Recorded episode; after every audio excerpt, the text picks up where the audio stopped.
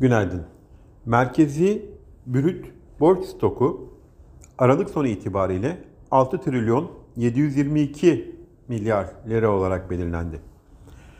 Japonya Merkez Bankası tarafından yapılan açıklamada gösterge faiz oranının yüzde eksi 0.10 olarak kalmasına karar verildiği belirtildi. Bugün yurt içinde tüketici güven endeksi yayınlanacak. Yurt dışında önemli bir veri akışı bulunmuyor. Bu sabah Asya endeksleri karışık bir görünüm sergilerken Amerika'da vadeliler yatay işlem görüyor.